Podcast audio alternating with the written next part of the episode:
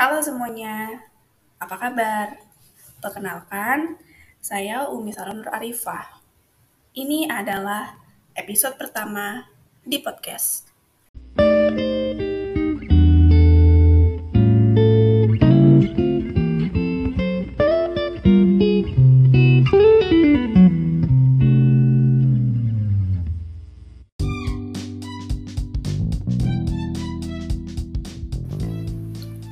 Kalian tentu pernah melihat seseorang membacakan berita di televisi, bukan?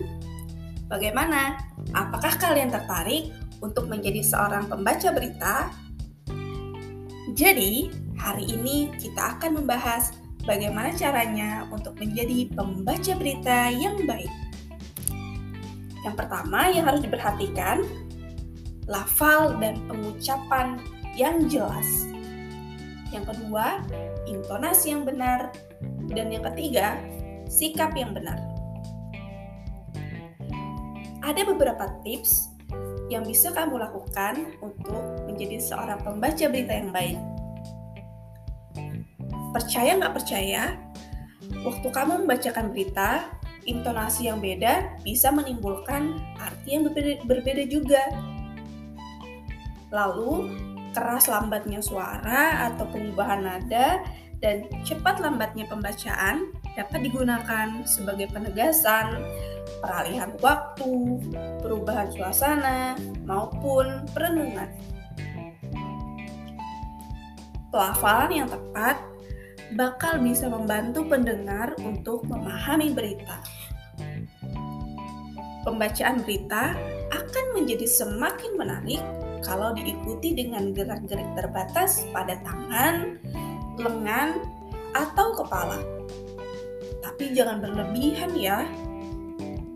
Untuk menimbulkan suasana khusus yang diperlukan dalam pembacaan, suara lebih efektif dengan didukung oleh ekspresi wajah, senyum, atau kerutan kening.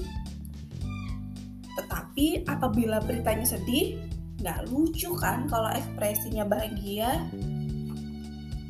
Yang terakhir ada eye contact atau kontak mata. Ini penting karena kamu bisa memikat orang-orang yang melihatmu membacakan berita. Terutama kalau kamu membacakan berita secara langsung di depan penonton. Nah, ini ada teknik-teknik dalam membacakan teks berita. Membacakan teks berita tidak seperti membaca buku. Membacakan teks berita artinya menyampaikan informasi kepada orang lain. Artinya, ada pendengar yang mendengarkan penyampaian berita tersebut. Membaca berita bukan hanya untuk diri sendiri. Oleh karena itu, ada beberapa teknik dalam membaca berita yang penting untuk diperhatikan dan dikuasai oleh seorang pembaca berita. Yang pertama ada artikulasi atau pelafalan. Artikulasi merupakan perubahan rongga dan ruang di dalam saluran suara dengan tujuan untuk menghasilkan bunyi bahasa.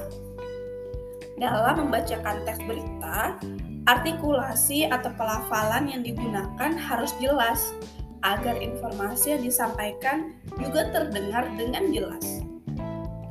Yang kedua, ada intonasi.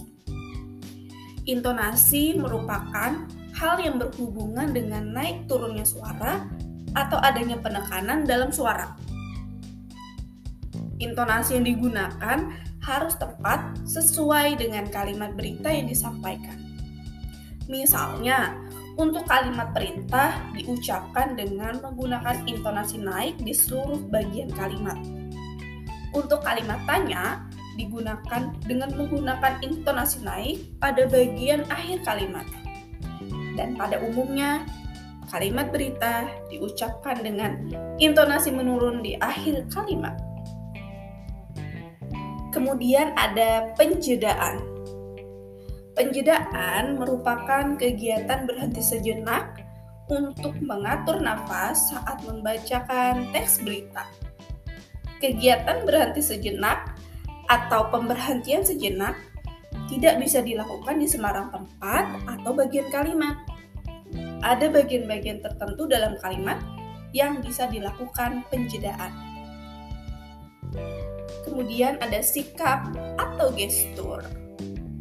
Membacakan teks berita tidak hanya membahas tentang cara pembaca membacakan teks berita, tetapi juga bagaimana sikap tubuh atau gestur pada saat membacakan teks berita. Pembacaan berita harus duduk dengan tegak dan pandangan fokus ke depan. Lalu ada memahami isi teks berita. Seorang pembaca berita harus memahami isi dari teks berita dengan baik dan menyeluruh.